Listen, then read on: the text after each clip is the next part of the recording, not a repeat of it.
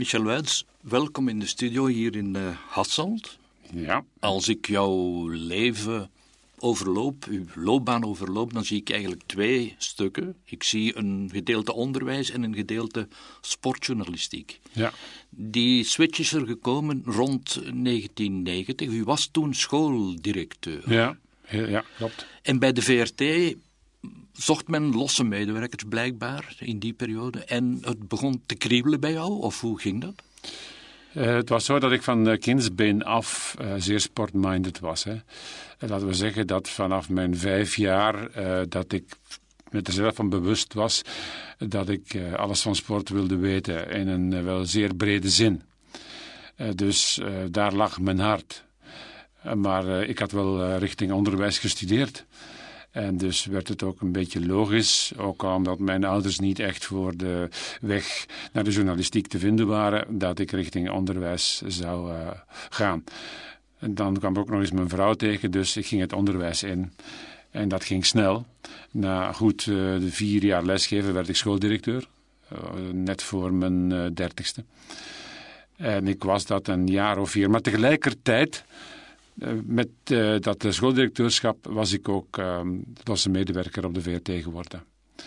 Uh, men had naar aanloop van de Mondiale in 1990 een aantal proeven georganiseerd, drie, waarbij een duizendtal kandidaten uiteindelijk uitgezift werden tot een tiental overblijvenden en daar was ik bij. Dus terwijl ik met die job als schooldirecteur begon, deed ik ook losse eh, opdrachten voor de VRT en die werden steeds talrijker. Op een ogenblik werd dat eigenlijk niet meer draaglijk. In 1992 was het zo dat ik uh, vijf dagen thuis was. Ik deed zelfs als schooldirecteur tijdens de grote vakantie de Olympische Spelen. En gaf ik daar rechtstreeks commentaar in Barcelona. En ik weet nog dat ik op de terugvlucht mijn eh, schema voor um, allerlei opdrachten op school, zoals bewaking en zo, uh, probeerde op te maken. Um, ja, dat hing dus met, de met uh, haken en ogen aan elkaar. Dus uh, toen had ik al wel het besef van, er dringt een keuze zich op. Combineren was onmogelijk. Ja, tenzij ik op de VRT zou downsizen. Maar ik voelde al kriebels als men mij bijvoorbeeld in plaats van twee keer op een weekend maar één keer vroeg. Toen dacht ik van, oh, heb ik er hier al gelegen? Uh, dus het ging toch al die richting uit. En toen kwam uh, 1993 kwam er een contract vrij, want daar gaat het uiteindelijk om. Hè. Er moet ruimte zijn om ergens in te stappen. Mark Uitroeven trok zich terug als uh, vast lid van de sportredactie en die ging een uh, programma opmaken. Um, samen met Wouter van den Houten. En daardoor kwam dat uh, Uitroeven contract vrij. En Mark Sastijns die vroeg mij, wil jij daar instappen? Ik heb daar toch Hij wel... was over... toen de hoofdredacteur. Dat was de hoofdredacteur. Mm -hmm. Uh, dat heeft wel uh, wat denkwerk gevergd. Want zo zeker was ik daar niet van of ik op de VRT wel volkomen gelukkig zou worden. Of ik daar mijn draai zou vinden. Maar het is dan vooral mijn vrouw geweest die mij gestimuleerd heeft en gezegd heeft van je moet het toch wel eens proberen. Want ik voel duidelijk um, dat uh, voor jou uh, het onderwijs dat dat geen finaliteit is. En dat je hart uh, bij de sport ligt. Dus kies daarvoor. En als het niet echt gaat, als je je niet echt gelukkig voelt, dan kun je maar beter uh, terug. Uh, hou met andere woorden een boord hopen. En ik ben uh, haar dankbaar, maar nog een andere vrouw ook. Degene die aan de leiding stond van de zusters van de christelijke school, de zuster Maria de Bruin. Ik heb haar dat probleem uitgelegd en die was daar bijzonder open in. En die zei me van, je kan dan alle tijden terug. Want was daar ook geen promotie mogelijk in het onderwijs op dat ogenblik? Ja, men had me die zelfs al gegeven. Normaal gezien moet je uh, twee à drie jaar bezig zijn in de job alvorens je benoemt. En uh, ik kreeg die benoeming al na een jaar, omdat er een andere school was, een nog grotere school, uh, die mij ook willen binnenhalen. en ik legde dat voor. En ja, dan zegt hij van, nee, we willen niet absoluut binnen ons contingent van schooldirecteurs halen, want mogelijk kun je ook in de algemene koepel van directie terechtkomen over dit een acht à, à tien jaar. En uh, ja, dat, uh, ja, speelde natuurlijk ook wel een rol in mijn uiteindelijke keuze. Maar het feit dat ze mij de zekerheid gaven dat ik altijd een comeback kon maken, dat uh, deed mij er toch toe besluiten om het erop te wagen en sportjournalist te worden fulltime. Ja, je zei daarnet, misschien kan ik daar niet aarden op de VRT. Het is wel een harde wereld, geloof ik, die sportredactie. Nogal wat ego's. Zeker in die periode. Um, er waren uh, nogal wat uh, jonge mensen, jonge vedetten in de jaren tachtig die een weg gemaakt hadden. En die stonden eigenlijk in het uh, zenit op dat ogenblik qua populariteit. voetbal was toen natuurlijk nog nummer één. Dat stond nog mijlen ver boven het wielrennen. En uh, dat waren allemaal vaak jongens die uh, ieder weekend uh, weer de allermooiste match wilden. Bovendien was er nog iemand die maar pas gepensioneerd was, maar die nog geregeld gevraagd werd. Dat was eigenlijk de zaadleer. Die speelde ook nog mee een duidelijke rol. En ja, dat leek niet evident. Maar ik had daar weinig of geen last van tijdens mijn weekendopdrachten. Weekendopdrachten gebeurden buiten. Dat was uh, interessant, maar tegelijkertijd ook stresserend. Omdat je dan na de opdracht snel moest leren werken om dat tijdig in sportweekend te krijgen. Dus ik had niet veel tijd om me dat wekelijkse uh, gerommel aan te trekken. Maar één keer dat je daarin zit, dan word je daar ook wel snel uh, deel van. Maar ehm, ik zeg hier duidelijk, ik heb me daar eigenlijk nooit mee gemoeid. Ja. Ik heb altijd uh, gedacht, laat me maar uitgaan van datgene wat men mij uh, toelevert. En ga niet dribbelen aan de deur van de baas om iets vast te krijgen. Omdat ik ervan overtuigd was, op lange termijn werkt dat toch niet. Het is voor jou uiteindelijk wielrennen geworden, alleen wielrennen oorspronkelijk... Door de jaren heen. Ja. Was er ook voetbal en Olympische Spelen, noem maar op. Ja, men vergeet dat snel. Hè? Hmm. Maar ik heb wel uh, in 94 en in 98 en in 2002 de eindronde van de Wereldbeker voetbal gedaan. Commentaar geleverd uh, in uh, Los Angeles en San Francisco in de Verenigde Staten in 94, in 98 in een viertal steden in Frankrijk en in 2002 in Zuid-Korea. Ik heb zes Olympische Spelen gedaan. Maar uh, dat zijn natuurlijk uh, opdrachten waar je niet nee tegen zegt. Hè. Dat neem je graag, gretig aan. Uh, je wil daar absoluut bij geweest zijn. En voor mij zijn dat eigenlijk ook wel hoogtepunten. Um, het is zelfs zo dat als men mij vraagt van waar heb je het meest gewaardeerd gevoeld, dan zou ik zeggen van die drie keer dat ik de openingsceremonie mocht becommentariëren van de Olympische Spelen maar uiteindelijk toch wielrennen. Ja, en dat is, um, ja, uh, laten we zeggen, op een prettige manier tot stand gekomen. Op een rustige namiddag, zoals er veel rustige namiddagen zijn in de zomerperiode. Vooral in augustus zaten we op de redactie. En er was weinig gaande en hadden we een uitgebreide babbel over het wielrennen in die periode. En Mark van Lombeek was toen eindredacteur. En die moet toch wel enigszins versteld gestaan uh, hebben van uh, mijn algemene kennis. In de breedte dan over het wielrennen. En vooral over de figuren in de geschiedenis, over de uitslagen die ik uit mijn hoofd wist. En een paar dagen later belde hij mij op. Kijk, we staan voor een verandering, want Uitroeven gaat met het Huis van Wantrouwen beginnen. En uh, zou het jij... legendarische programma, Juist, het Huis ja. van Wantrouwen. Zou jij het zien zitten om uh, in te springen als... Ehm, tweede man in het wielrennen. Met de jeugd bezighouden, het jongere wielrennen. En uh, ook het commentaar geven op de motor. En hij zei van, niet te lang nadenken, want bij ons gaat alles snel. En drie dagen later belde hij terug en heb ik ja gezegd. Dan spreken we over het eh, begin van 1991. En in maart 91 met de E3-prijs in Harelbeke zat ik al op de motor. In 91 al? In 91, ja. Ah, ja. Dus twee jaar voordat ik begon als uh, vaste. Dus was ik ook nog losse toen. Mark van Lombeek, nu net overleden. Inderdaad. Ja. Inderdaad, het was een, uh, een klap.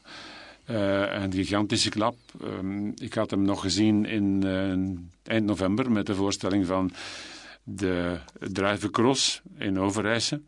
En ik vond hem er goed uitzien. Um, hij had ook eetlust, dat was duidelijk. Hij zat daarmee aan de grote dis. En we hebben een kort gesprek gehad. Maar Mark was zoals ik hem altijd kende. En zei van dat hij zich eh, niet ging laten overwinnen, dat hij strijdvaardig was.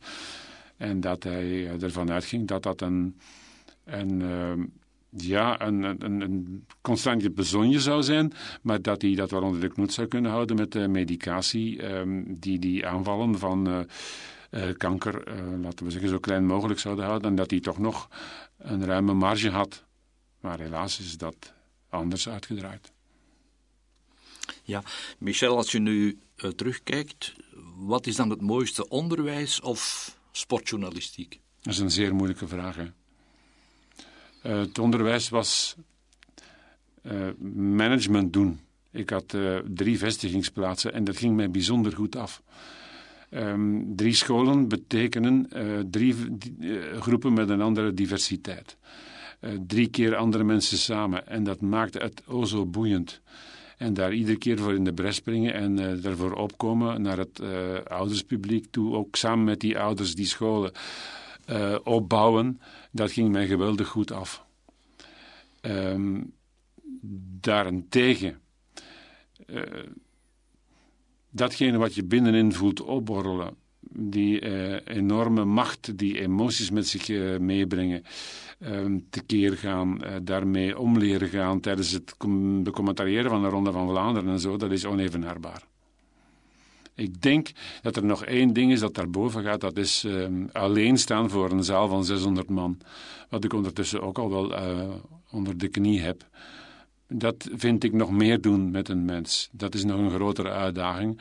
Dat kan vreemd klinken, maar je kijkt in een zaal, in publiek, in de ogen. En eh, bij eh, een Ronde van Vlaanderen geef je commentaar. In het beste geval voor een anderhalf miljoen tot 1,7 eh, miljoen Vlamingen en zelfs Nederlanders daarbij. Maar je ziet die niet. Hè. Dus dat is een algemene groep uh, die je bij wijze van spreken wel in je achterhoofd hebt, maar je zit daar niet echt bij stil te staan, want als je dat doet, dan word je gek natuurlijk. Hè. In zaal, je bedoelt een voordracht geven of zo? Een voordracht geven. We hebben ook een zaalshow, Geert van den Bon, eh, mijn gitarist en ik, trekken nu al een jaar of vier, vijf het uh, Vlaamse land en ook een stuk van Nederland rond met een twintig à 25 tal uh, zaalshows in culturele centra. En dat is bijzonder warm om te doen. En eigenlijk nog leuker dan? Ik vind dat uh, qua beleving nog meer ingrijpender, ja. ja. Want je voelt na twee zinnen of het publiek mee is. En dat draait ook rond het wielrennen? Ja, dat draait rond het wielrennen. Maar je moet daarvoor geen uh, wielerminnaar zijn. Want uh, vrouwen in de zaal, die daar meestal met hun man zijn ja, om thuis niet alleen te zitten, neem ik aan, die komen mij vaak zeggen van wat heb ik hier veel aan gehad. Want ik ken van wielrennen niks. Maar het gaat daar niet om. Het gaat eigenlijk om um, de menselijke, de diepmenselijke verhalen achter de zogeheten vedetten. Ja, we zijn vandaag 13 maart, als ik me niet vergis. Mm De klassiekers komen eraan, de grote, legendarische klassiekers, de Ronde van Vlaanderen, Parijs-Roubaix, Luik-Bastenaken, Luik. Ja. Eh, wat verwacht je ervan? Wordt het een mooi, boeiend seizoen? Het is altijd gevaarlijk om te gaan denken dat een seizoen even mooi zal zijn of gelijk zal zijn aan het vorige. Het seizoen uh, eh, 2017, het voorjaar vooral, was bijzonder mooi. Uh, al die overwinningen van Van Avermaat, uh, overwinningen van Gilbert, de intense strijd, de open gevechten die vaak ontstonden op uh, eh, 100 kilometer van de aankomst, dat was één grote opluchting in vergelijking met het uh, gecontroleerde wielrennen van de jaren daarvoor. Nu zomaar denken dat zich dat opnieuw gaat voordoen, dat is fout. Maar ik ga er wel van uit dat uh, het peloton begrepen heeft dat het zo moet. Als er één grote hervorming in het wielrennen moet zijn, dan is de strijdlust weer tentoonspreiden, weer aanspreken en met open vizier koersen. En zoals we dat in de Strade Bianche gezien hebben, zo zou ik dat ook in de Vlaamse klassiekers bij ons willen zien. Denk niet te veel na, uh, raap de handschoen op van de concurrent en ga met de concurrenten volop in strijd en maak aan de streep desnoods uit wie wint. En dan krijg je het wielrennen waar iedereen eh, plat voor gaat niet dat wielrennen waarbij gewacht wordt tot de allerlaatste hindernis om dan te zien wie daar het snelst op en uh, afgescheiden binnenkomt. Dat moet niet. Uh, geef ons vuurwerk. En ik ga er wel van uit dat men um, dat begrepen heeft, maar het zou kunnen uh, dat er ook een paar kleinere namen zijn, of namen van jongeren die naar voren gaan schieten, zoals Benoot dat nu al uh, geleerd heeft. Uh, maar goed, uh, dat is ook de rijkdom van, van de topsport. Dat er af en toe eens een periode van verandering komt, zodanig dat we ons kunnen heroriënteren, herfocussen en ons weer kunnen gaan verdiepen in biografietjes van nieuwe mensen. Wout van Aert bijvoorbeeld? Um, graag. Ik uh, hou van 23-jarigen die zich manifesteren en die daar alles voor over hebben. Er is een groot onderscheid tussen er alles willen voor doen en er ook nog eens alles willen voor laten. En Van Aert heeft die twee. Uh, Tom Bonen had uh, een zo'n grote marge in er alles willen voor doen, maar had een kleinere marge in er alles willen voor laten. Ik ben ervan overtuigd dat de carrière van Bonen nog veel groter zou geweest zijn, mocht hij dat tweede aspect ook gerespecteerd hebben. En wat, liet, dat... wat liet hij niet? Oh, um, de nood aan, aan ontspanning. De nood aan decompressie die was bij Tom toch wel groot. Die is bij uh, Van Aert een stuk kleiner. Uh, van Aert is een Pietje precies, een perfectionist, um, die zich niet al te veel tijd zal gunnen om eens even de stroom van stress laten weg te vliegen. Um, dus ik geloof daar absoluut in. Is natuurlijk wel zo um, dat we toch nog enigszins beperkt moeten blijven in onze verwachtingen. Hè. Die is bezig van april vorig jaar. En die is non-stop bezig. Heeft wel een paar relatieve rustperiodes ingelast, maar dat zijn niet zo'n lange periodes geweest. Dus het kan ook zijn dat het bijvoorbeeld na de Ronde van Vlaanderen plots stokt. Wel, dan moeten we dat respecteren. En dan gaat hij daar zijn lessen uitleren. En misschien volgend jaar nog uh, wat downsize in zijn crossprogramma. Ja, er zijn een paar jongeren. Welles, denk ik ook. Tim Welles. Uh, Absoluut zeker. Dylan, Dylan... Dylan Teuns. Um, Welles is een uh, jonge man uh, waar ik het voor heb, om, omdat hij uh, klasrijk is op alle gebieden. Een idee um, of een voorbeeld, als Welles zich aan de auto laat afzakken voor een drinkbus, dan zegt hij niet: geef me eens rap water. Dan doet hij dat als volgt: Mag ik een drinkbus, alsjeblieft? Dat is een gentleman, hè? Um, Teuns is uh, anders. Teuns is uh, van dichter bij mij thuis. Hij is van Halen, ik ben van Scherpen, dat is heus niet zo ver. Um, Dylan praat wat trager, maar onderschat hem niet. Hij heeft een um, groot explosief vermogen. En ik geloof echt in zijn kansen om opvolger te worden in de Waalse klassiekers van bijvoorbeeld Valverde.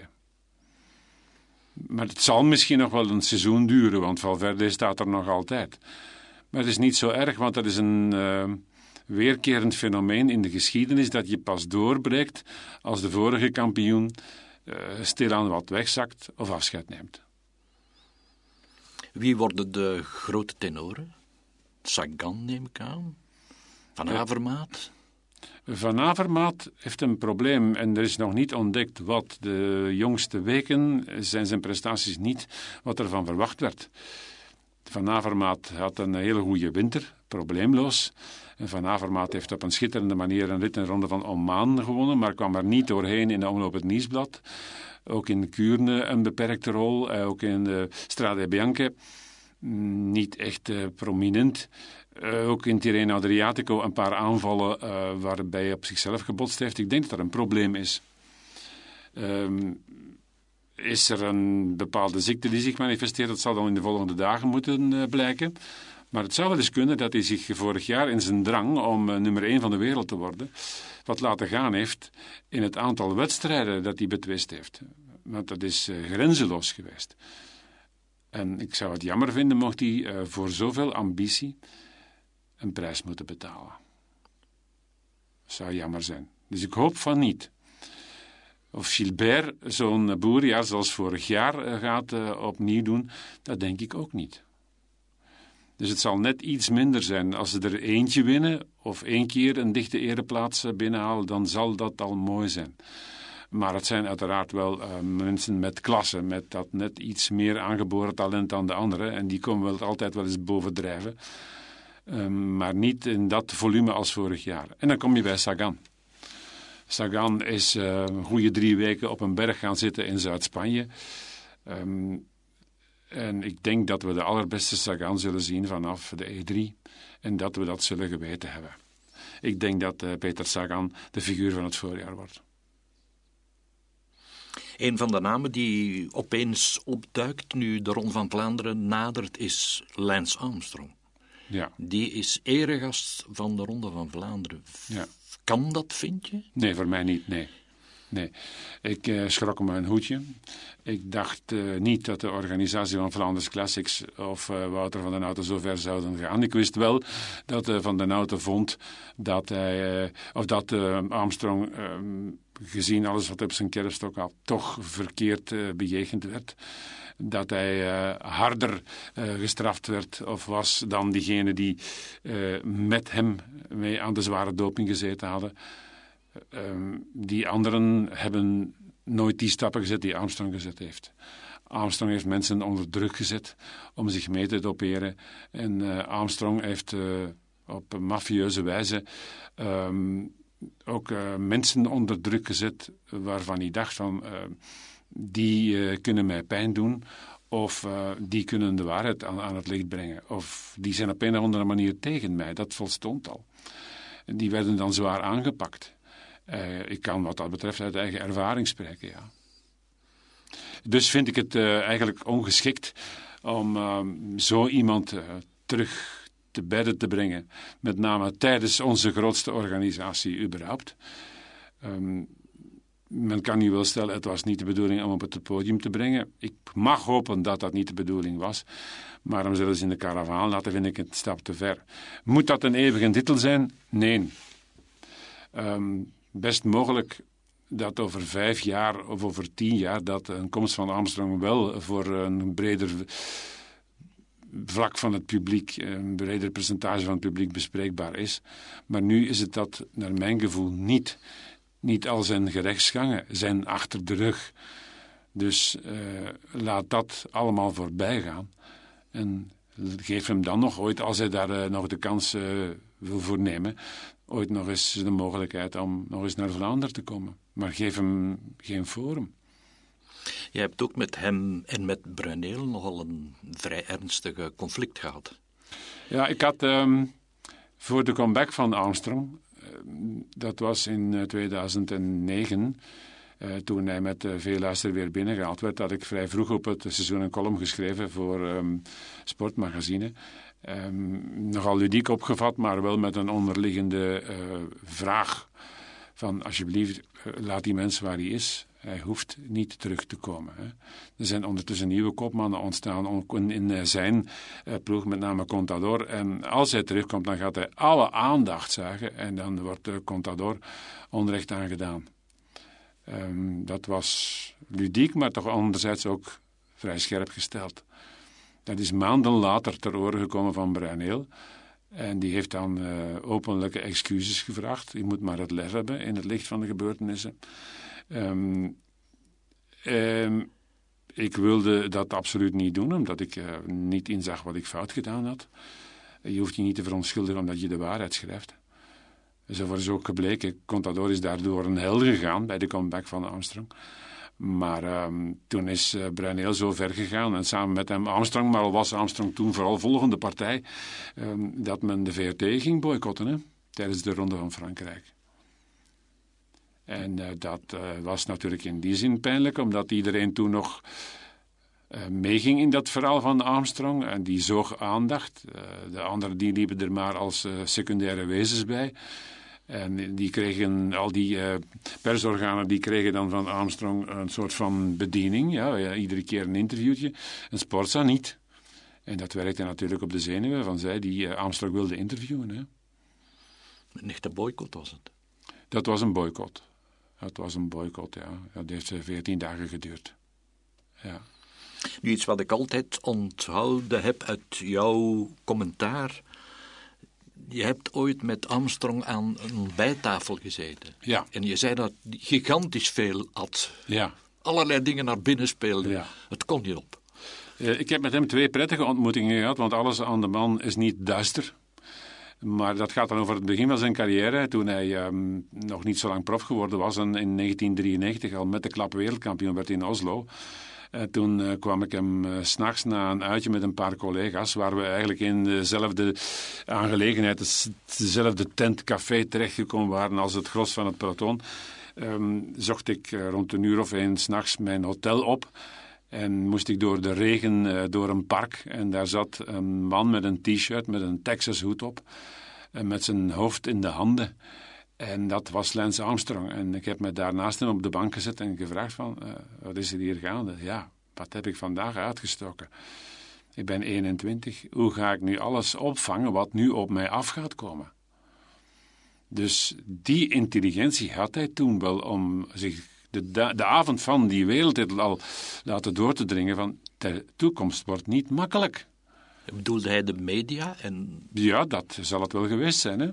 Hij sprak toen in um, algemene bewoordingen, maar hij had toch plots zoiets van: God, um, in welke mate gaat mijn vrijheid beroofd worden? Dat zei hij letterlijk. Het jaar erop uh, kwam ik hem tegen in het voorjaar als wereldkampioen.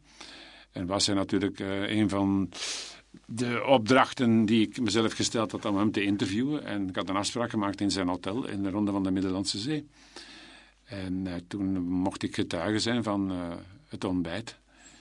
En toen bestelde hij zich een omelet met vijf eieren.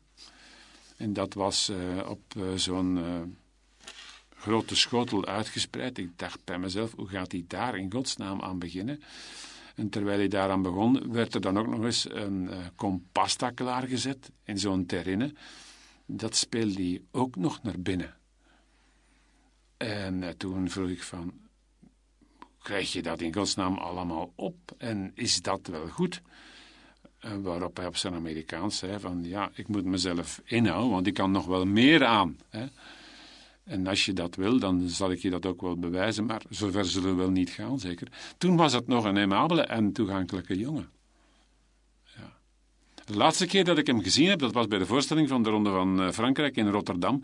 Men had mij in Nederland gevraagd om de voorstelling van de ploegen, de deelnemende ploegen te doen, op een uh, fraai podium met een paar duizend mensen voor ons.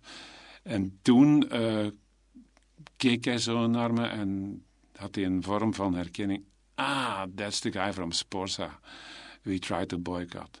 Maar hij was vrij aimabel en ik vroeg hem: Ben je nu angstig voor datgene wat komt? Gezien je leeftijd, maar dat zei ik er niet bij. Ik hoefde er ook niet bij te zeggen. En hij zei: Ja. Ja.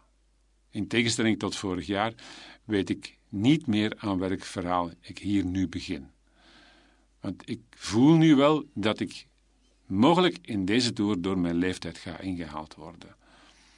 En dat was een oprecht antwoord. Michel, wat is er zo leuk aan commentaar geven? Je doet dat eh, honderd dagen per jaar getrouwd, zeg je ergens, met uh, José de Kouwer. Ja. jullie zitten altijd met de neus op elkaar en toch in zo'n enge cabine. Hè? Ja. En toch blijft dat blijkbaar heel leuk en, en bijna ontspannend. Het feit dat we geen stress meer kennen, dat is heel belangrijk. Het gevoel, het geloof, het vertrouwen dat dit verhaal goed gaat aflopen.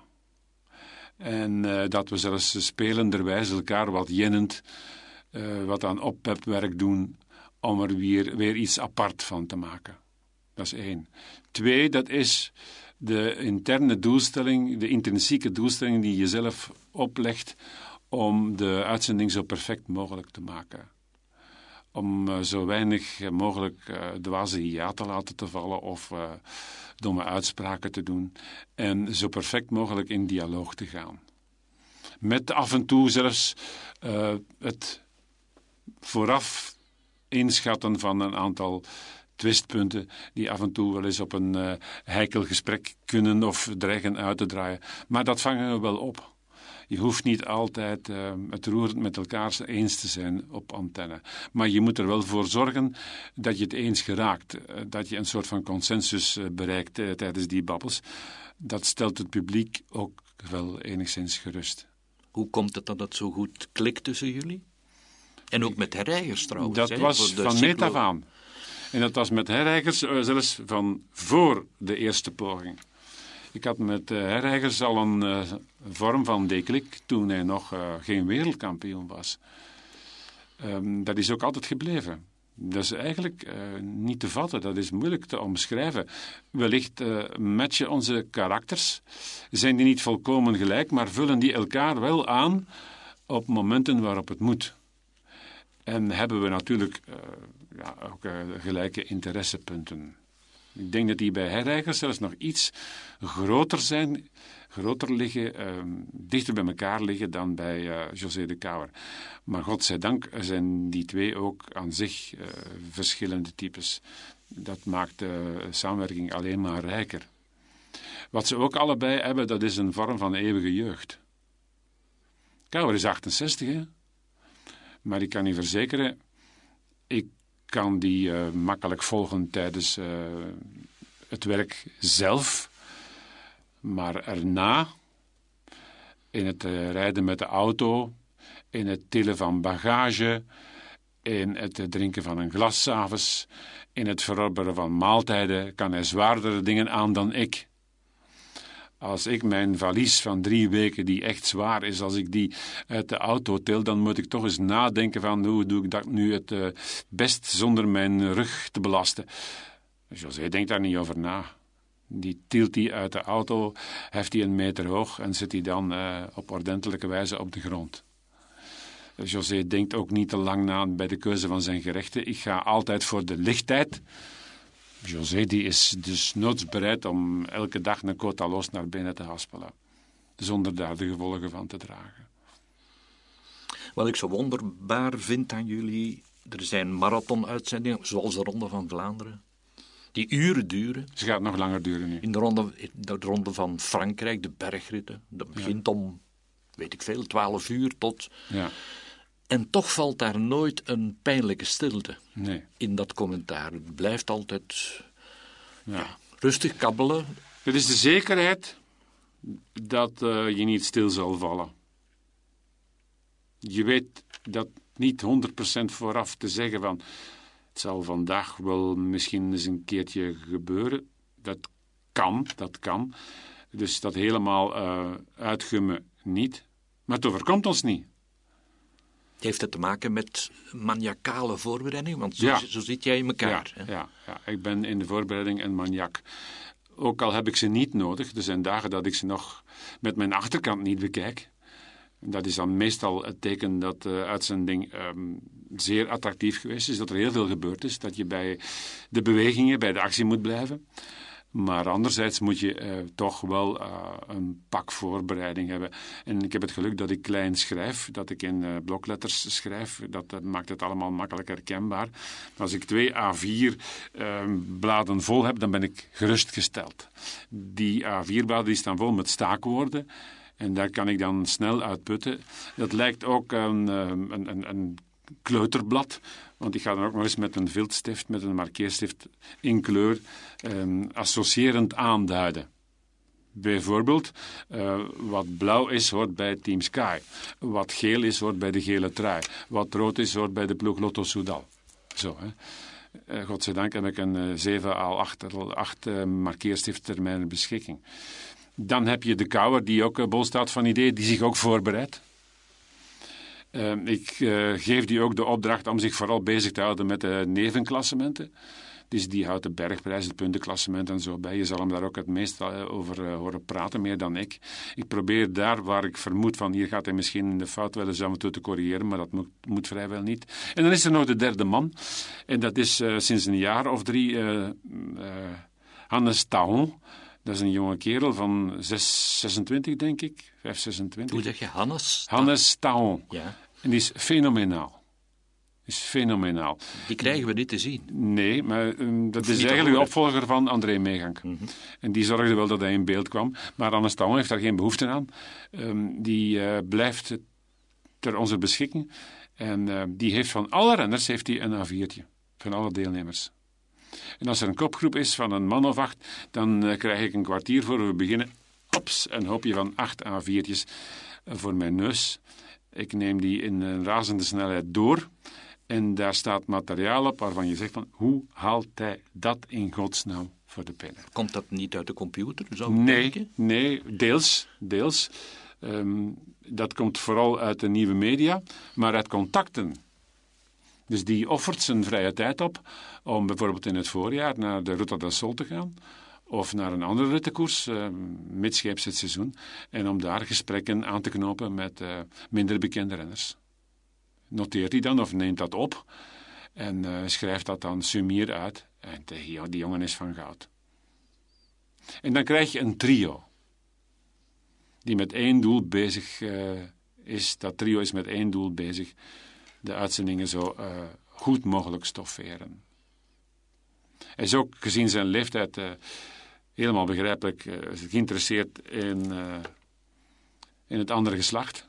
En zo is hij erin geslaagd om een uh, interview tijdens de rechtstreekse te organiseren met mevrouw Sagan toen ze nog niet getrouwd waren. Die is een half uur bij ons komen zitten en dat was een, een heerlijk interview. In het Engels? In het Engels, ja. Met een vlotheid die wat mij betreft ongekend was. Ja. Over vlot gesproken, jij hebt ook wel een taal die er mag zijn. Vlekkeloos Nederlands. Um, ik probeer dat. Ik probeer dat niveau te halen. Maar dat is de grootste uitdaging die er is. Um, dat is wellicht, de laatste uitdaging. Dat is um, dat Nederlands zo goed mogelijk te maken. En dat werk is nooit af. Ik zal daarmee stoppen in het besef van het is niet af. Kan ook niet, hè. Het kan ook niet. Maar het benaderen zou al een overwinning zijn. Het benaderen van het uh, ideale. Ik ben nu bezig aan het schrijven van een boek. Um, een vorm van wielerwoordenboek. Met uh, Anne de Kramer. Dat is een uh, jonge West-Vlaamse. Een auteur. Schrijft romans.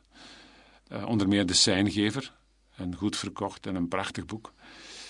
En zij zoekt de etymologische achtergrond van bepaalde woorden eh, die eigen zijn aan het wielerjargon. Uh, Bijvoorbeeld? Betelt, vertelt daar ook een uh, verhaaltje bij. En ik zoek dan een verhaal uit de geschiedenis. En dan krijg je een mooi ge geheel per woord of per woordgroep. Bijvoorbeeld vierkant draaien. Bijvoorbeeld chaspatat. En zo zijn er, God we moeten ons beperken, hebben we al gemerkt. Er zijn er een paar honderd. Maar als we er 70 à 80 op een leuke manier uitschrijven, dan krijg je prettig leesvoer. En dan merk ik, dat is een Germaniste, dat is toch een andere koek hoor. Die schrijft dan toch nog op een andere manier dan ik dat kan. Maar ook daar, um, twee individuen vullen elkaar aan. Hè. Ik heb nogthans een aantal dingen van jou gelezen en beluisterd ook bij Luisterpunt. Ik vind ook dat je als schrijvend die souplesse hebt. Hè? Ik, ik, herinner me een verhaal over de marathon die je gelopen ja. ja. Ontroerend. Meeslepend geschreven. Datgene wat je zelf beleefd hebt, eh, dat kun je het best neerschrijven. Ik voel mezelf ook uh, goed, of in mijn sas, als ik iets kan schrijven wat mij ontroerd heeft. Bijvoorbeeld het overlijden van Erik de Vlaming. Daar heb ik uh, in een minimum aan tijd, want ik had al een andere column, heel, uh, column helemaal klaar. En toen men mij belde van uh, het laatste nieuws, van ja, Erik de Vlaming is overleden, kun je daar niks over schrijven? Toen ben ik om acht uur herbegonnen, dat was dan tegen de klok. En uh, zaterdag stond die column op de eerste bladzijde. omdat dat overlijden, dat plotse gebeuren, dat overviel mij. Er kwamen in een bliksemsnel tempo een aantal beelden naar boven. En ik heb me daaraan vastgehecht en die uitgeschreven. Dan, uh, als ik zelf uh, bepaalde beelden uh, zie, dan kan ik ze ook makkelijker heruitvinden of gewoon vertellen. En vermits een marathon lopen een verwerken is van honderden emoties. Aan al datgene waaraan je denkt onderweg heb je het ook niet zo moeilijk om die achteraf, als je die uitschrijft, weer op te roepen. Ik raad iedereen aan om een marathon te lopen. Die taal die heb je van je moeder. Ja, meer dan waarschijnlijk. Nee, met zekerheid. Al is mijn vader ook um, taalkundig meer dan in orde. Mijn vader heeft een uh, groot deel van zijn uh, carrière als ambtenaar op het ministerie van Openbare Werken doorgebracht als uh, vertaler. Um, schriftelijk dan. van het Frans naar het Nederlands en omgekeerd. Je had meestal uh, Franstalige bazen die de plak zwaaiden en die tegelijkertijd les gaven aan de VUB. En vermits die niet echt veel tijd hadden om uh, in hun echte werk te steken, um, kregen die tal van uh, opdrachten of tal van dossiers doorgespeeld, waar zij, als dat in het Nederlands opgesteld was, weinig of niks van begrepen. En mijn vader vertaalde dat dan. Dus ik ga hem zeker niet onderschatten. Mocht ik nu een klein examen moeten afleggen tegen mijn vader van 87 over het schrijven met OI of met AU, denk dat ik verlies. Want hij heeft daar een, een getraind geheugenblok voor dat fenomenaal is. Maar mijn moeder was lyrischer. En als ze thuis uh, uh, gecondoleerd moest worden op papier, dan nam mijn moeder dat voor haar rekening, omdat zij de gevoelige snaar kon raken. En ik denk dat ik dat uh, voor een groot deel van haar overgenomen heb. Of met degene mee jouw jeugd was niet altijd even rooskleurig, heb ik Nee, verre van. Verre van. Um, ik begrijp goed um, wat het... Uh, het uh, luxe is een groot woord, maar qua levensstandaard uh, hadden wij het natuurlijk breed genoeg.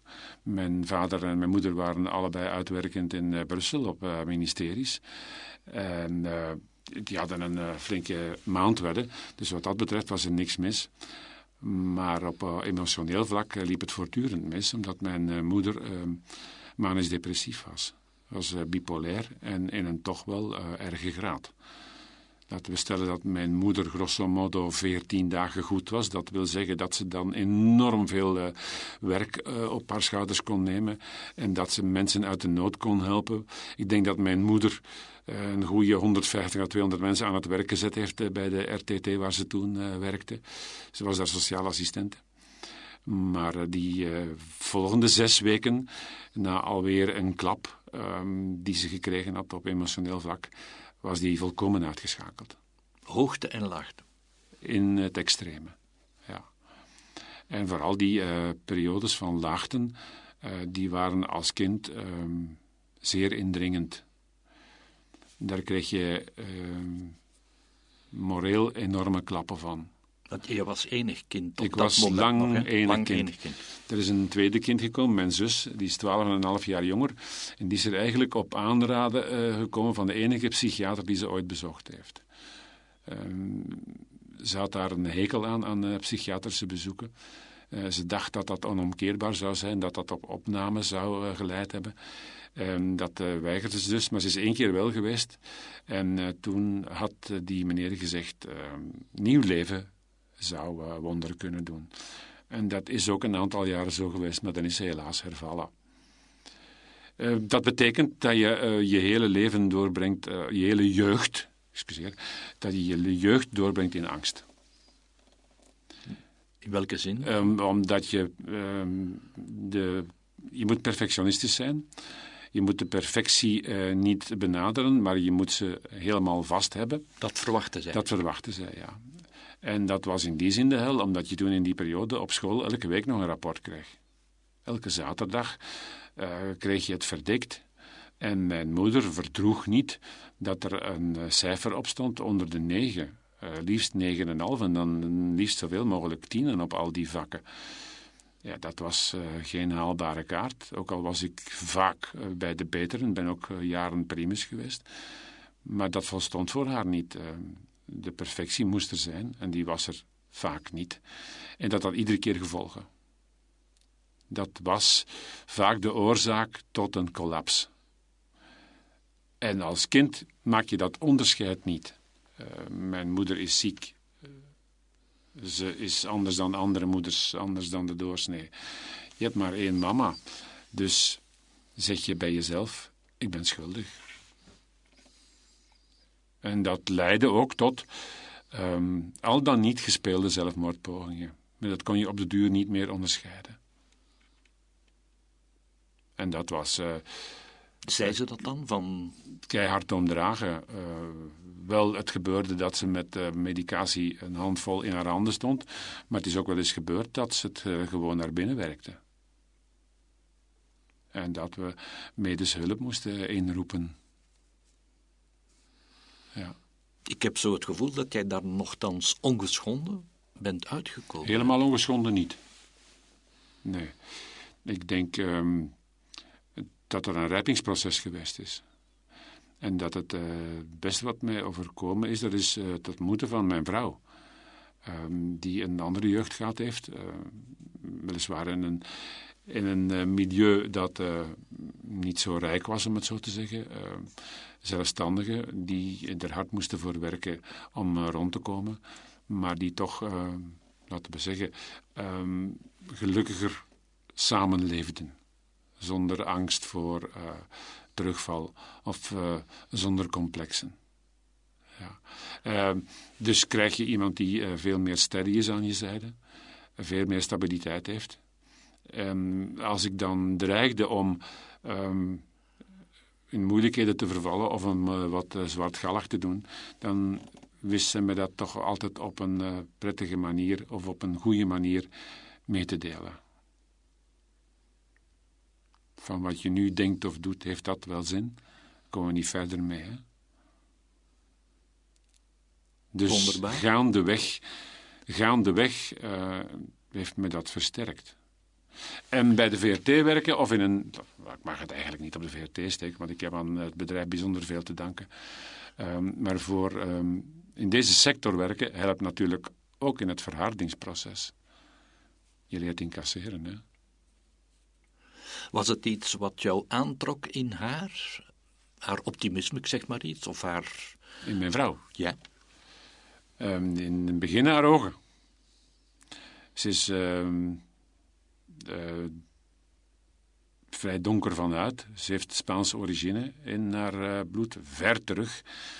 Ze zijn er nogal wat in Scherpenheuvel Zichem, want Zichem was ooit de stad van uh, Oranje, maar daarvoor was dat bezet door Spanjaarden. Dat heeft gevolgen gehad. Um, en ze is donkerharig en ze heeft um, ja, blauwe ogen van het Noordse tippen. Dat contrast, dat sprak mij geweldig aan. En daar ben ik voor gevallen. En karakter, dat uh, leer je pas gaandeweg kennen. Hè. En daar ben ik alleen maar beter van geworden. De jeugd, daar zaten ook wel mooie, of heel veel mooie momenten in. Ja. Ik, denk dan ook aan het wielrennen meteen. Hè. Je was als kind, je hebt het daar straks ook gezegd, uh, in de ban, op vijfjarige leeftijd al, onder andere van Eddy. Eddy Merckx heeft mijn jeugd gekleurd. Als we er dan wat doorheen zaten, of ik had een enorme periode van schuldbesef achter de rug, dan was er altijd wel een klassieker of een uh, rittenkoers waar we met zekerheid konden zeggen: Eddy Merckx wint toch. Het was een zegen om een streekgenoot te zijn van Merks. Per slot van rekening is hij maar een goede acht kilometer geboren van waar ik opgetogen of getogen ben. Um, ik ben van uh, Pellenberg en Lovenjoel afkomstig, die van Meensel-Kiezegem, dat ligt vlakbij. Hè. Dus dat was de ene Brabant naast de andere. En dus was het ook uh, evident dat wij voor uh, Eddie Merckx supporterden. En dat was een zegen. Je ging in de zetel zitten en je wachtte een uur voor de eigenlijke uitzending begon. En je zette de tv al aan. En je wist ook met zekerheid dat als dat beeld zou komen, dat hij het zou vullen. Maar je durfde... Kon mij bij God niet schelen dat hij vier of vijf minuten voorlag op de tweede. Voor mij mocht hij, uh, toen was dat een uur, een uur en een kwart. Dat moeten toen zalige tijden geweest zijn voor commentatoren. Um, dat mocht een uur en een kwart Eddy Merck zijn. Maar je durfde niet kijken naar de finale van Milaan-San Remo, want oh, nee. het had kunnen mislopen. Nee, dat klopt, dat klopt. Um, dat was, uh, de kans tot verlies was nergens groter dan in Milaan-San Remo. Omdat de verschillen zo klein waren. Ondanks de supermassief van Merckx, je won daar zeven keer, was dat meestal met klein verschil akelig klein. En was dat wachten tot op de top van de Poggio en dan hopen dat hij overeind bleef op de Poggio. Wel, ik hield dat niet. Ik hield dat niet. Ik sloot me dan op op het uh, toilet. En speelde dan een spelletje met uh, de tegels op uh, de muur. En ik telde dan af um, tegelgewijs. Motta, Gimondi, Bitossi, Merks, Motta, Gimondi, Bitossi, Merks. En als me dat dan helemaal onderaan moest ik bij Merks uitkomen. Als het dan niet lukte, dan draaide ik het zo om dat ik toch bij Merks uitkwam. En toen werd er op de deur geklopt. En dan was dat vaak mijn mama, die met mij meeleefde. En die zei van, kom er maar af, hij wint. En ik heb Merks van de zeven keer, denk ik, zeker vijf keer, ik denk zes, in de herhaling zien winnen. Maar nooit rechtstreeks. Uh, zelden rechtstreeks. Ja. ja. Hij was jouw uh, grote idool. En je hebt hem daarna eigenlijk veel beter leren kennen. Bijna als, het is bijna een kameraad geworden. Ja. Um, hij werd als een veelverraad bestempeld, ook al kon ik dat niet hebben als ik dat las. Voor mij was dat de meest normale zaak van de wereld, dat als je de beter was, dat je won. Dat was een vorm van uh, eerlijkheid, van rechtvaardigheid. Ik uh, ben uh, enorm ingesteld op rechtvaardigheid. Dus waarom moest je dan laten aan een ander als je de beter was? Dat moest je gewoon tonen. En dus bestond zo het beeld van Merks sportief schraperig. De mens Merks was het tegendeel. Hij was ontzettend gul, vrijgevig. Ik heb momenten meegemaakt eh, dat ik hem smeekte en zei van dat mij nu eens trakteren. Hè. We zitten hier nu in Italië. Ik weet dat uh, al die Italianen die hier staan, dat die bereid zijn om uh, voor jou te betalen. En dat die jou een fles gaan schenken of een glas spumante. Zeg maar, ik heb die kans nog nooit gehad. Gun me dat nu. En dan zei je, van zijn lijven niet. Ik ben al blij dat, uh, dat ik met jou, zo draaide het dan om, um, naar Milan Sanremo mag of naar de Ronde van Lombardije mag. Of uh, met jou de uh, Giro d'Italia mag doen als co-commentator. gun mij de kans om mijn dankbaarheid te tonen. Ja. Ik denk dat hij bij jou was toen zo'n Axel won ja. in Italië. In Prato, als ik me niet vergis. Prato. Achtste rit van de Giro in 2000. Aankomst in Prato. Prato. Ja. Ja. We verbleven toen in het vakantieverblijf waar ik nu nog altijd naartoe ga. En Simone, eh, de uitbater, eh, een van mijn betere vrienden, die was toen ook uh, erg koersminded. En we hadden die meegenomen naar uh, Prato, wat per slotverrekening niet zo ver was. Een goede 50, 60 kilometer. En die zat naast ons. En Axel was toen mee in een vlucht. Met een Spanjaard, Gutierrez. En met een ploegmaat van hem. En een stuk of vier, vijf op kop. En op in een zware afdaling viel hij in een ravijn. En Merks, ja, die viel helemaal stil, Eddie. En die was uh, als door ja, doodsangst bezeten, letterlijk. Want je wist niks over Axel Merks. Je zag die letterlijk over de omheining gaan. En niet meer terugkomen. De transmissie was ook bijzonder slecht. En ik heb toen een reutel gehoord. Dat leek op een doodsruitel. Dat zware zuchten, dat overging in dat uh, glutturaal geluid. Bij Dat was akelig bij Eddy, ja. En dan plots kwam dat beeld terug van de weliswaar lichtgeschonden Axel, maar op zijn fiets in volle achtervolging. En de grote Eddy Merks riep uit ontlading: Merks! Denk dat dat ongeveer het enige is wat hij die laatste 6, 7 kilometer nog gezegd heeft. Axel reed dat gat dicht, wachtte vakkundig af, demareerde dan, won, waarop die Merks ondertussen al mijn uh, knie ongeveer blauw geknepen had van de spanning. Hij was toen zwaar gebouwd, woog toen ruim 100 kilo. Ten hemel oprees en het uitriep. Merks wint! ja, um, dat was haast absurd.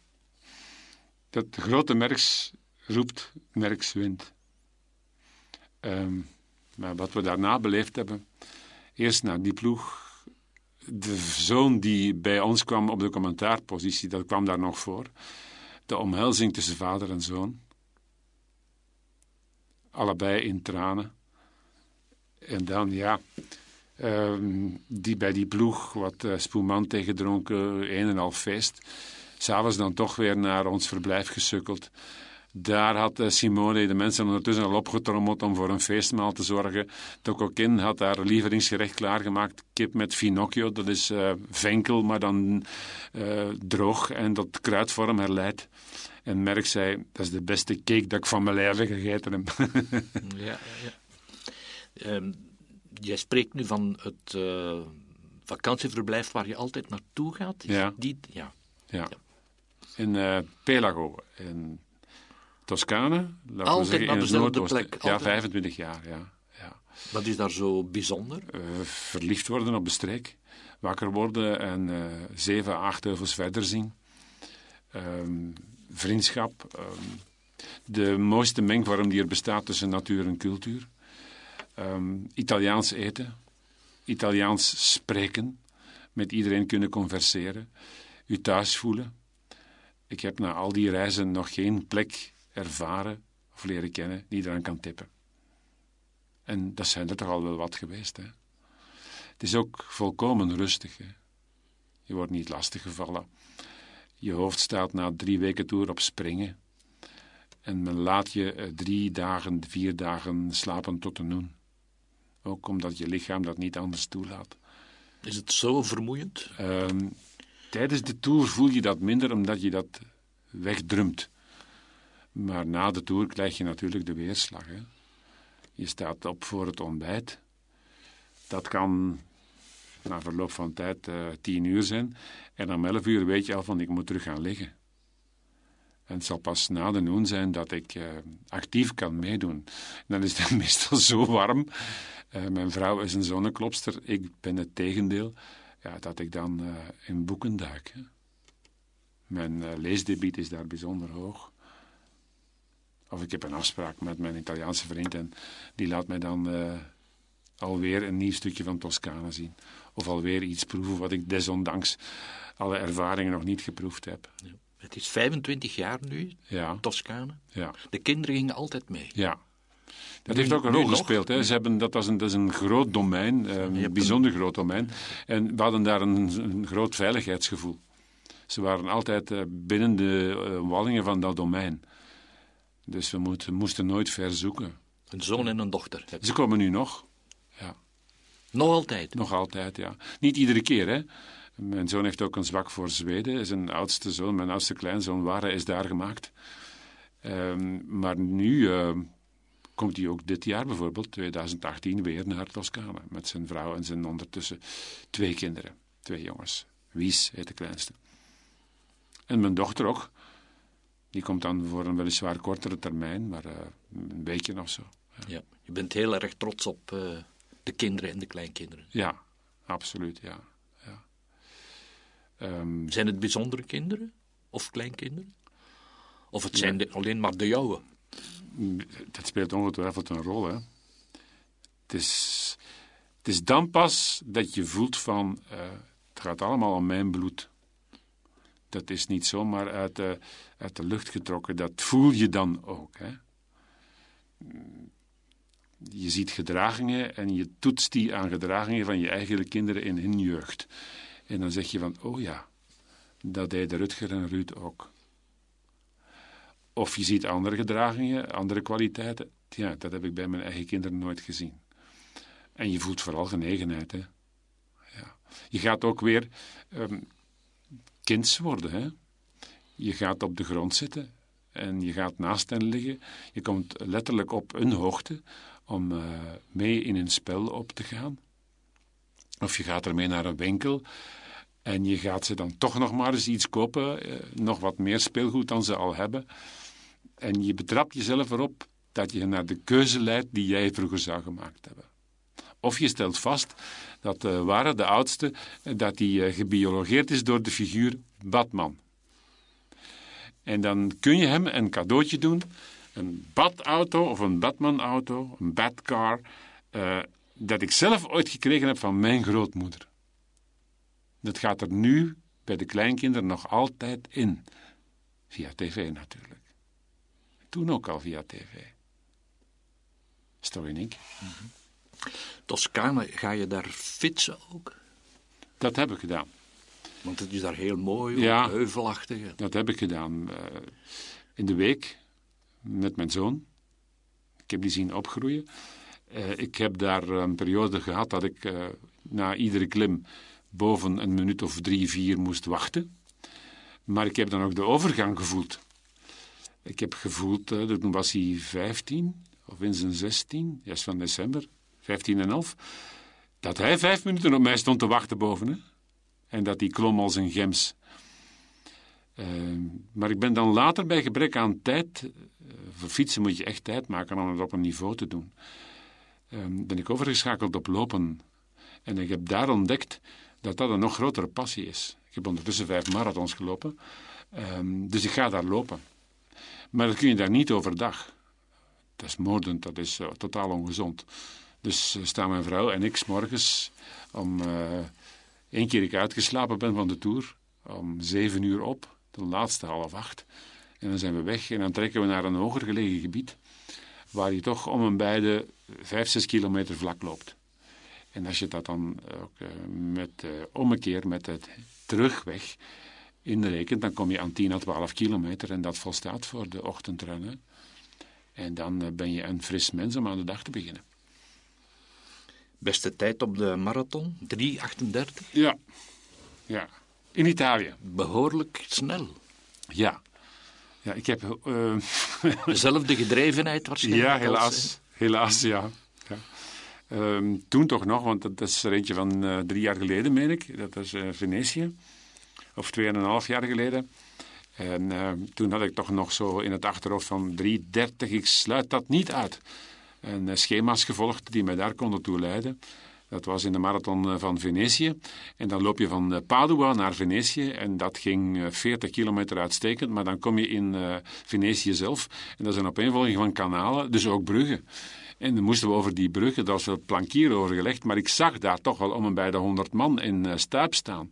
In kramp. En dan word je uitermate voorzichtig van laat mij dat niet overkomen. En dan stel je vast dat je in die laatste twee kilometer toch wel heel veel tijd verknald hebt. maar uh, dat weegt niet op tegen de voldoening. Ik heb nu mijn laatste gelopen in 2017, ook weer in uh, november. Het is altijd laat op het seizoen, want ik heb anders geen voorbereidingstijd. Um, dat was in Valencia. Heb ik het helemaal anders aangepakt. Uh, rustig begonnen. ik had het borstnummer 17.076 dan, uh, ja, dan start je helemaal bij de troep achteraan. En je komt daar niet weg. Ik ben pas na vijf kilometer tot de ontdekking gekomen dat uh, lopen op het uh, trottoir sneller ging. Ben ik wat losgekomen uit de meute en ben ik in mijn eigen tempo geraakt. Maar dat had ook het voordeel dat ik, zonder dat eigenlijk te beseffen, opgespaard had. En ik heb die 42 kilometer eigenlijk niet spelenderwijs, want afzien is er altijd bij hoor, maar toch wel makkelijk uitgelopen in vergelijking met de vorige. Uh, ik heb daar het besluit getrokken van, ik ga het nog eens doen en toch weer op dezelfde manier. Dat is gezonder. En allemaal zonder doping? Volledig, volkomen vrij, ja. Ik vraag het, uh, Michel, omdat uh, de wielersport eigenlijk niet wegkomt van die doping. Hè? Nee. Heb jij nooit de aandrang om te zeggen: ik stop daarmee, ik stap eruit, want eigenlijk is het bedrog? Oh, ik, heb wel, uh, ik zit wel met een, met een onprettig gevoel dat ik, um, zonder dat zelf te willen, dat ik een goede tien jaar, de periode dat ik uh, actief was in de jaren 2000 tot 2009, um, als uh, eindcommentator, dat ik de mensen de waarheid niet kunnen vertellen heb. Um, ook al was ik niet op de hoogte van de volle waarheid. Ik had natuurlijk wel argwaan. Ik heb die argwaan ook vaak meegedeeld. Maar je kan daar niet blijven over zaniken of over zeuren, want je vergalt de kijktijd, de kijkperiode. Hè? Je leest dan in lezersbrieven of in uh, reacties op fora van stop daar nu alsjeblieft mee. Uh, je hebt daar dan wel uh, gehoor naar, ook al blijf je je plicht doen. Dat is natuurlijk een allesbehalve ongemakkelijke herinnering. Hè? Daar ben ik niet, niet blij om. Maar wat ik nu zie, dat is dat men geen onderscheid maakt in de aard van de doping ik ga je niet stellen dat EPO en bloeddoping dat dat volkomen achter de rug is. Er worden er nog altijd betrapt. Dat zijn dan de ezels. Maar het, dat is wel in grote mate onder de knoet. Dat is ook in grote mate weg. Er is ook gelukkig een nieuwe generatie opgestaan. benood, wel eens verstandige mannen, ehm, die zeggen van, niet voor ons. Want als het daarom moet gaan, dan ga ik liever werken. Het zijn ook niet toevallig jongens die gestudeerd hebben en die een hoger diploma hebben. Of dat nu nog altijd nastreven. Maar wat er nu terugkomt, dat is een uh, gebruik van de methodes van Beleer van de jaren 70, 80. Um, op uh, voorschriften van um, corticoides, uh, cortisones in de volksmond teren. Dat is wel in zwang. Het percentage weet ik niet. Daar heb ik het raden naar. Maar dat er een grijze marge is waarbij aan dokters de mogelijkheid geboden wordt om uh, voorschriften te bieden en dat die dan ook misbruikt worden. Niet alleen om een uh, ontsteking op te lossen, maar om een uh, prestatie te verhogen. Dat is een feit. Dat is een feit. Maar dat is qua efficiëntie maar een, een tiende van, van, van wat EPO teweeggebracht heeft. Maar dat we daar nog werk aan hebben om daar paal en perk aan te stellen, dat is zonder meer een feit. En hierbij nog eens een oproep. Ik heb die al neergeschreven. Ik heb die al een paar keer gezegd. Ik doe dat nu al een jaar of vier, vijf. Naar de UCI toe of naar het WADA, naar andere instanties. Maak cortisones. Maak uh, puffers uh, la salbutamol en dergelijke. Maak daarvan zwarte zone. Zet dat op de zwarte lijst. Dan zijn we van die discussie al dan niet toegelaten af. Iemand die um, sukkelt met een ontsteking, die is ziek. Die moet rusten. En die kan na de rust terug erop bouwen. Hoe dan ook, jij blijft de wielersport uh, koesteren. Hoe, hoe, lang ga je dat nog doen? Wel, een van de duidelijkheden die er gekomen zijn de jongste jaren is dat het in andere sporten niet veel beter is. Hè dat men in eh, andere sporten een structuur opgebouwd heeft waarbij je veel meer binnenskamers uh, blijft. Hè. Ik hoor Hans van de Wegen, een eminent collega die voor de morgen schrijft, zeggen bij ons in de afspraak, als men um, de voorschriften uh, voor cortisones, als men dat zou indijken, of als men dat zou verbieden op de eindrondes van de wereldbeker, dan zouden de helft van de vedettes moeten thuisblijven van de wereldbeker. Dat zal in tennis niet veel anders zijn, ook al ontkent men dat. Dus het zou wel eens zo kunnen zijn, nee, het is zo, dat men in het wielrennen de grootste weg afgelegd heeft. Maar het was ook nodig. Mm Het was ook nodig. We hadden een totaal verkeerd imago, een fout imago opgebouwd. Um, dus ik hou vast. Ik uh, blijf aan boord. Uh, omdat ik daar ook nog een rol in te vertolken heb. Of men dat nu graag geeft of, niet. Het hoort erbij. Want ik ben er ook van overtuigd, jammer genoeg, als je te veel ruimte geeft voor misbruik, um, uh, dan krijg je een hele grote brok miserie. Tot doden toe. Hoe lang ga je nog door? Oh, er staat een, een perk aan, een paal aan. Hè. Um, ik heb er nog een gesprek over gehad met mijn, uh, met mijn baas van Langenhoven. En die stelt 1 januari 2022. Uh, dat zal de datum zijn waarop je met de pensioen zal gaan. En ik zou mij daar moeten moet aanhouden. Moet ja, gaan. Ja, ja. Ik beschouw dat niet als een straf. Het zou wellicht een straf zijn, mocht men mij zeggen van... je gaat dan uh, volkomen um, in je pensioen moeten opgaan. Uh, ik hoop dat ik hier en daar nog een opening kan creëren om uh, een ei te leggen. Bijvoorbeeld in het theater, bijvoorbeeld als columnist, bijvoorbeeld in het schrijven van het boek. Maar ik denk dat mijn hoofdtaak er zal in bestaan. Of mijn hoofddoel, wat men het zo. Um, een deeltje van wat mijn vrouw me gegeven heeft teruggeven. En uh, uiteraard ook mijn kinderen en vooral mijn kleinkinderen. En wat is dat precies teruggeven? Er zijn. Er zijn. En samen dingen ondernemen waar we te zelden de tijd voor gehad hebben om uh, samen te ondernemen. We hebben een een week of drie geleden samen een wandeling op het getouw gezet. Uh, zij is sportiever, nog straffer dan ik. Ze sport een keer of vijf, soms zes per week. En ze is daarbij veelzijdiger. Ze houdt het niet bij lopen. Een wandeling opgezet en ze zei na twee uur: uh, Heb je genoeg? Dan gaan we hier een keerpunt uh, doen. Ik zeg: Nee, ik kan nog. Ze was de koningin te rijk. Het is er eentje geworden van vier uur. Waarbij ik achteraf toch moest toegeven: ik heb nu toch wel wat spierlast zei, ook niet. dat wordt prettig. Ja. Michel, ik dank je ten zeerste voor dit zeer boeiende gesprek. Dat is mij zeer aangenaam.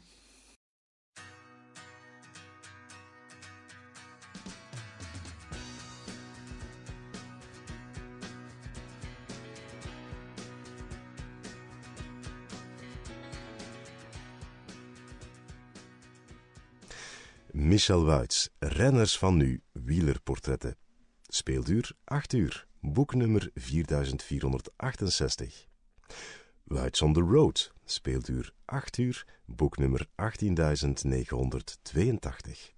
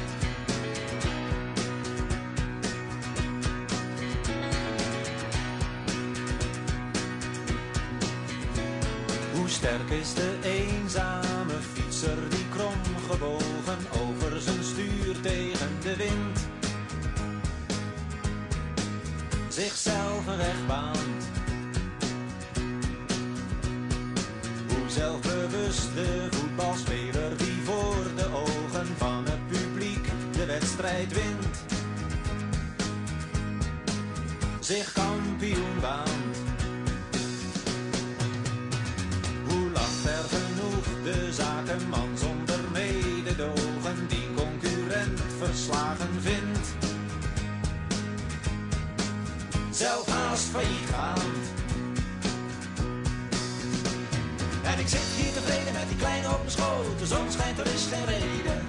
Met rot weer en het harde